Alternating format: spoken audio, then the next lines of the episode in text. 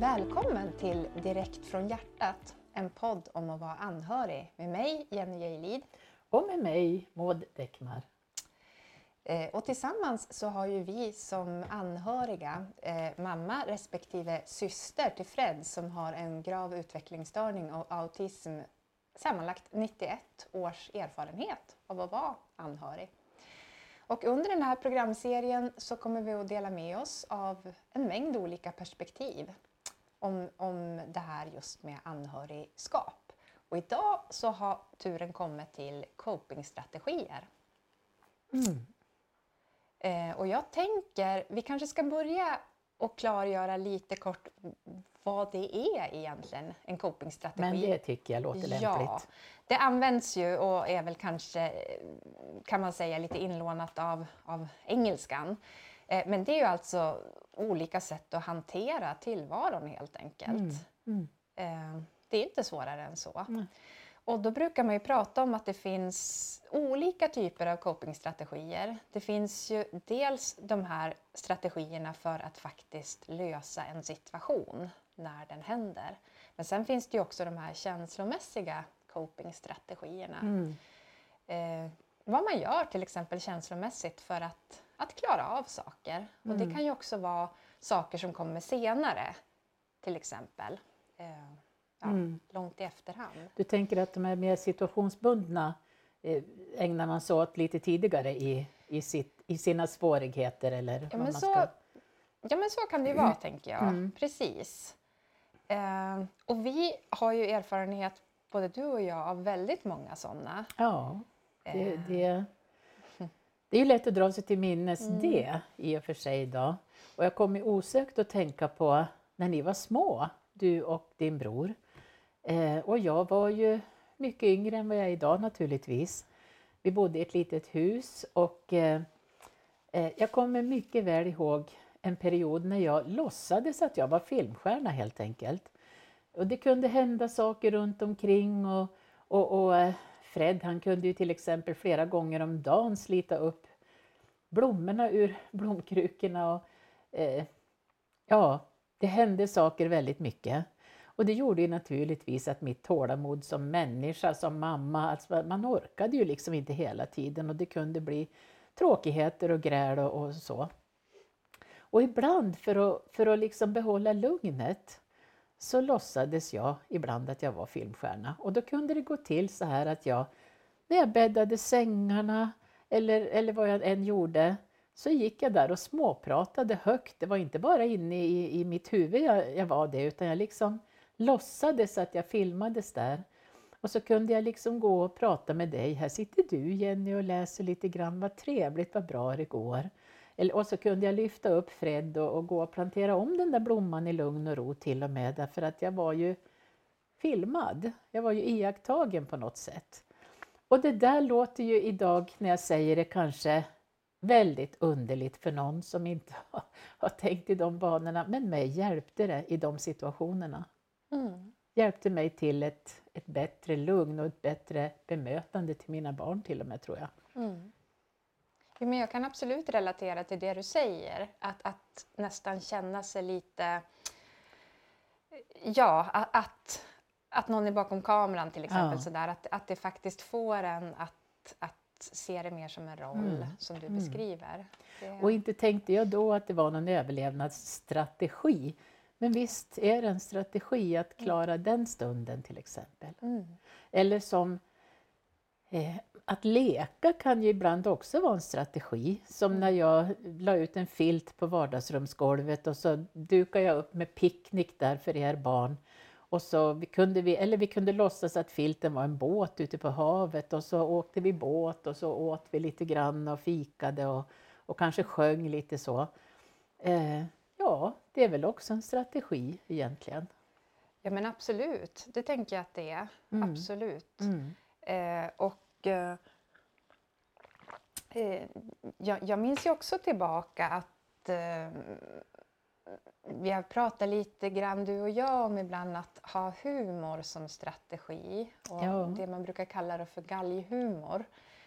Kanske, Mm. sådär. Eh, Jag tänker att väldigt mycket var ju ganska absurt i tillvaron, kunde bli det med Fred. Ja. Ja, det, det han gjorde, han, han, han välte det mesta och allt som Mm. satt fast det, Mm. det liksom ruckade han på. Mm. Eh, men vi har ju pratat om det många gånger att vi gjorde ju inte avkall på vissa saker. Bra eller dåligt, det kan man ju liksom fundera på. Mm. Eh, och allt kommer ju som sagt med ett pris Mm. oavsett. Hade, nu tar jag jul, julen som exempel. Eh, barndomens jular. Så även om vi hade det ganska spartanskt med saker eftersom Fred rev ner det mesta så, så hade ju ni bestämt, du och pappa, att, att vi skulle ha gran. ja, det gjorde vi. Ja, och den här granen den välte ju Fred många, många, många, många gånger Ja, under uppväxten. Ja, Ja. men precis. Mm. Av något oförklarligt skäl, men det var hans sätt att hantera Mm. det. Eh, men ni reste upp den där granen och plockade upp och sopade barr och kulor och allt annat som gick förlorat. Och ni gjorde ju aldrig under alla år avkall på den där granen. Nej, nej. Och det kan man ju fundera på så här efteråt. Varför struntade vi inte i att ha en gran? När det ändå blev allt det här sopandet och säkert irritationer många gånger också.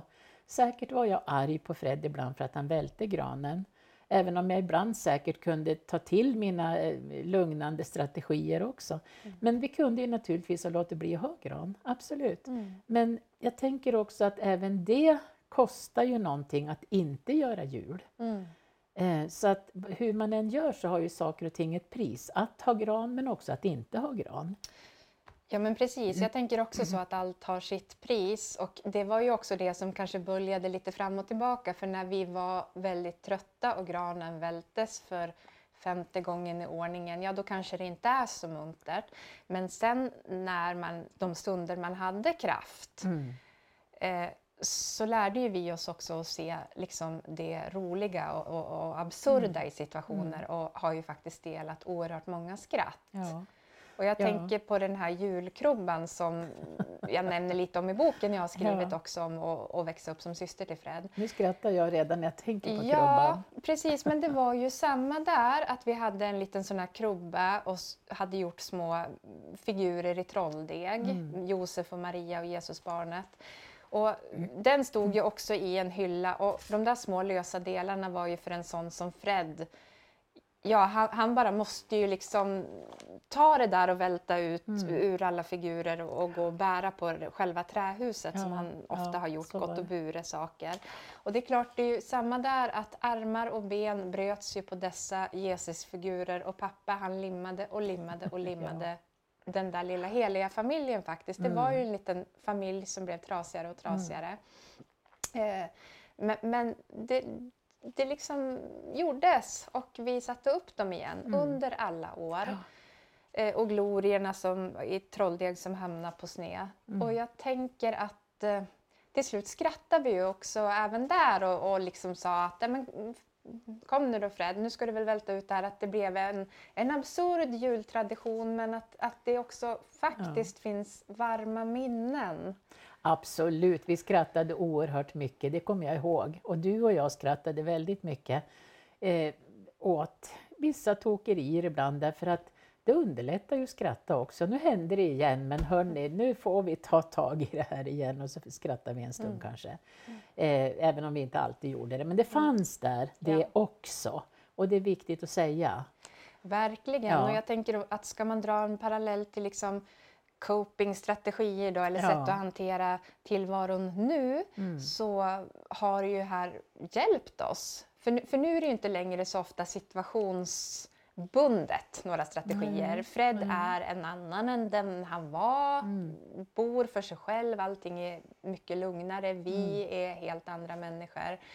Men, men fortfarande så behöver man ju såklart strategier ibland för att hantera tillvaron. Och jag kan ju faktiskt, det har ju både du och jag pratat om, jag kan se det som en, en ganska stor gåva att fortfarande kunna skratta ibland när tillvaron blir lite för absurd. Mm. Att, att det kan hjälpa ganska Mm. mycket. Mm. Mm. Och jag tänker också på de här känslomässiga strategierna som du säger. Jag vet inte om jag associerar lite för långt nu, men jag, jag gör det i alla fall då. Mm. Då tänker jag på vid något tillfälle när jag, jag hade jobbat mycket, det hade hänt saker, jag var trött, väldigt trött. Och så minns jag att jag sa till min väninna så här att du, alltså egentligen orkar jag inte men Fred måste få komma hem imorgon. Det är så länge sedan han var hemma, det är över en vecka och det tyckte jag var väldigt länge. Eh, och, jag måste ta hem honom imorgon. Och, och, ja men du orkar ju inte, sa hon. Du sa ju att du inte orkar. Nej, jag gör inte det, så jag, men jag måste göra det ändå för jag får så dåligt samvete om jag inte gör det. Och då sa hon de där bevingade orden som jag lärde mig så mycket av och som jag har haft med mig genom livet. Då sa hon så här, men det kanske är så att du måste, du måste, eh, du måste bära ditt dåliga samvete. Att mm. du måste bära ditt dåliga samvete. Och jag har tänkt mycket på det där därför att det är klart att, att jag tog, hade ju inte tänkt att bjuda hem Fred för hans skull den söndagen. Utan mera för att jag inte stod ut med att han inte skulle få komma hem. Eh, och, och, just det här att bära sitt dåliga samvete, ja det kräver ju att vi, vi vågar göra det, att vi, vi står ut känslomässigt också med att inte vara de mest underbara mammorna eller föräldrarna eller syskonen. Eh, så att det är ju också, tänker jag, en, en strategi att lära sig att stå ut med det här mm. dåliga samvetet, att inte vara den mest perfekta mamman. Mm. Ja, men jag, jag kan ju bara instämma. och nu pratar ju du utifrån ett föräldraperspektiv, men det där ja. tror jag att vi kan relatera till jag är också förälder, även om jag sitter här i rollen mm. som syster. Men, men vi kan ju relatera till olika saker tror jag i livet, mm. alla som säkert lyssnar också. Mm. Att ibland så orkar vi inte och vi kanske då får leva med det dåliga samvetet. Mm. Eller som, som du är inne på, eh, ska man hela tiden göra någonting trots att man inte orkar, det, det blir ju slitningar för de andra i familjen mm. också. Ja så. Så att, att det, det är många delar mm, i det här. Men, men som du säger, att det där var en ögonöppnare säkert mm. för dig. Att, mm. eh, att ja. din väninna sa det här. Absolut, och jag vet ju att du också har pratat om ditt dåliga samvete när det gäller att, att hälsa på Fred. Hur ofta ska man göra det? Vad, vad räcker till? Och så vidare. Att, att det här samvetet, det får man väl alltid dras med på något sätt. Vi, vi har ju det, vi människor, ett samvete och, och, på gott och ont egentligen. Och så får vi lära oss att hantera det. Mm.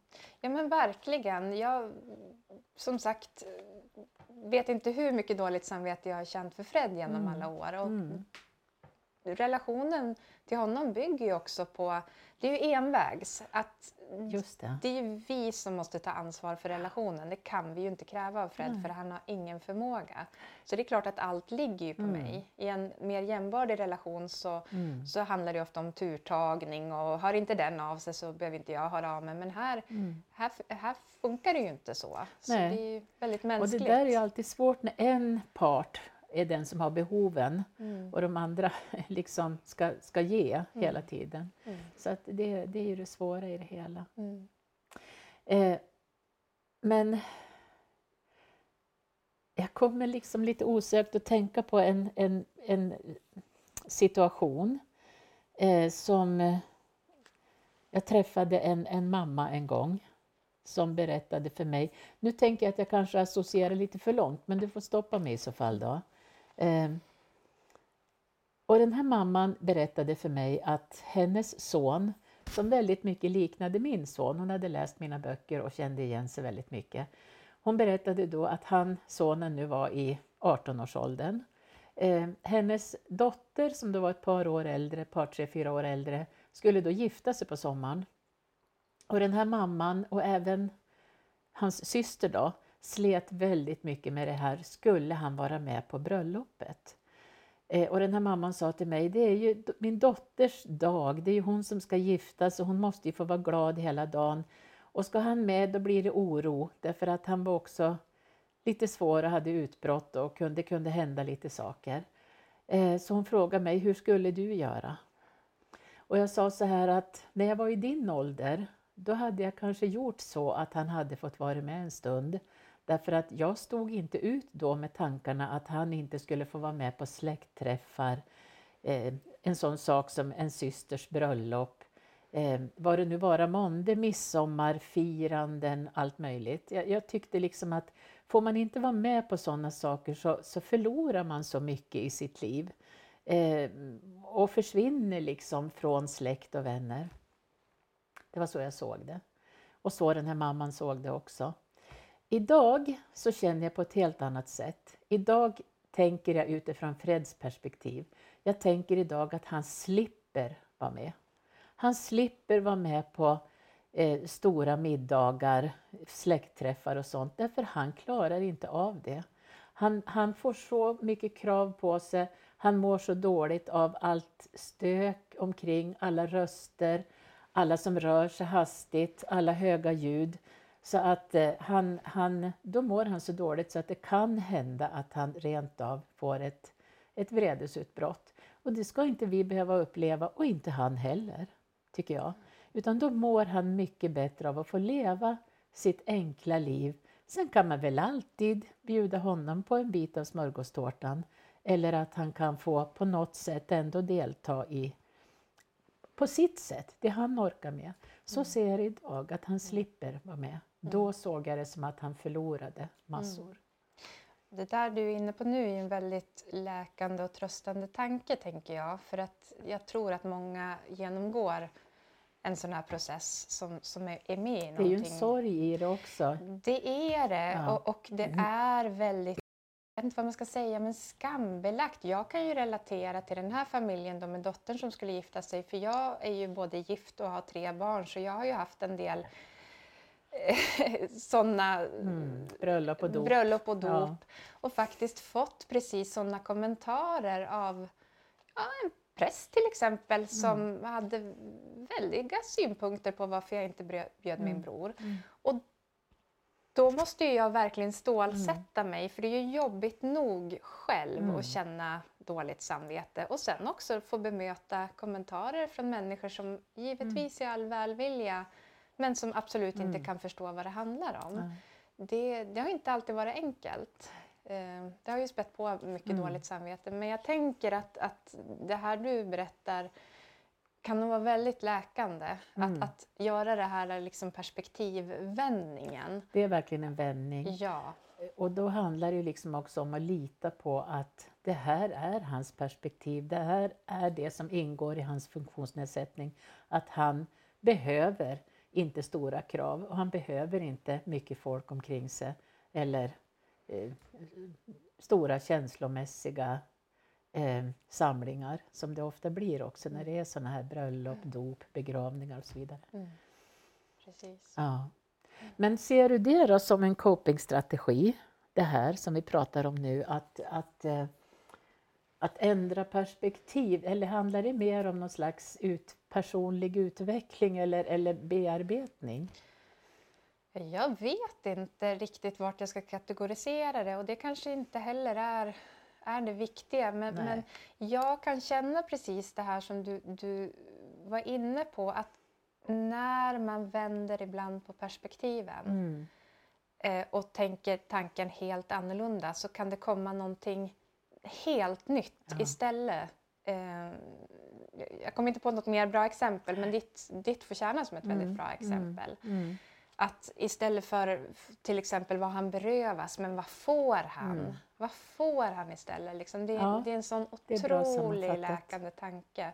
Och även det där, ja vad berövas vi? Ja men vad får vi istället? Mm. Det, det går väldigt ofta att mm. bara vända på tankar. Och copingstrategi eller vad vi nu ska kalla det så, så, så känner jag att, att uh, ja, jag har utvecklats mycket i, i det sättet att tänka. Liksom, ja. sådär. Eh, vända på perspektiv. Mm. Mm. Och när man, när man går framåt i livet så, så lär man sig nya saker. Mm. mm. Det är ju en del av att leva vidare. Mm. Så är det. Mm. Har vi något mer att säga om det här? Alltså det känns lite som att vi, vi rundade av rent, rent bara av oss själva där. Så att eh, vi kanske ska Precis. tacka för idag. Ja, och jag tänker vi kommer ju återkomma till alla de här sakerna f- från olika håll. Mm, Allting går ju in i varann Det väldigt det mycket. Ja. det gör det. Men nästa gång då tänkte vi prata lite om utveckling kontra trygghet. Ja, Och då hoppas vi att ni tittar. Ha det fint så länge. välkommen åter. Hejdå!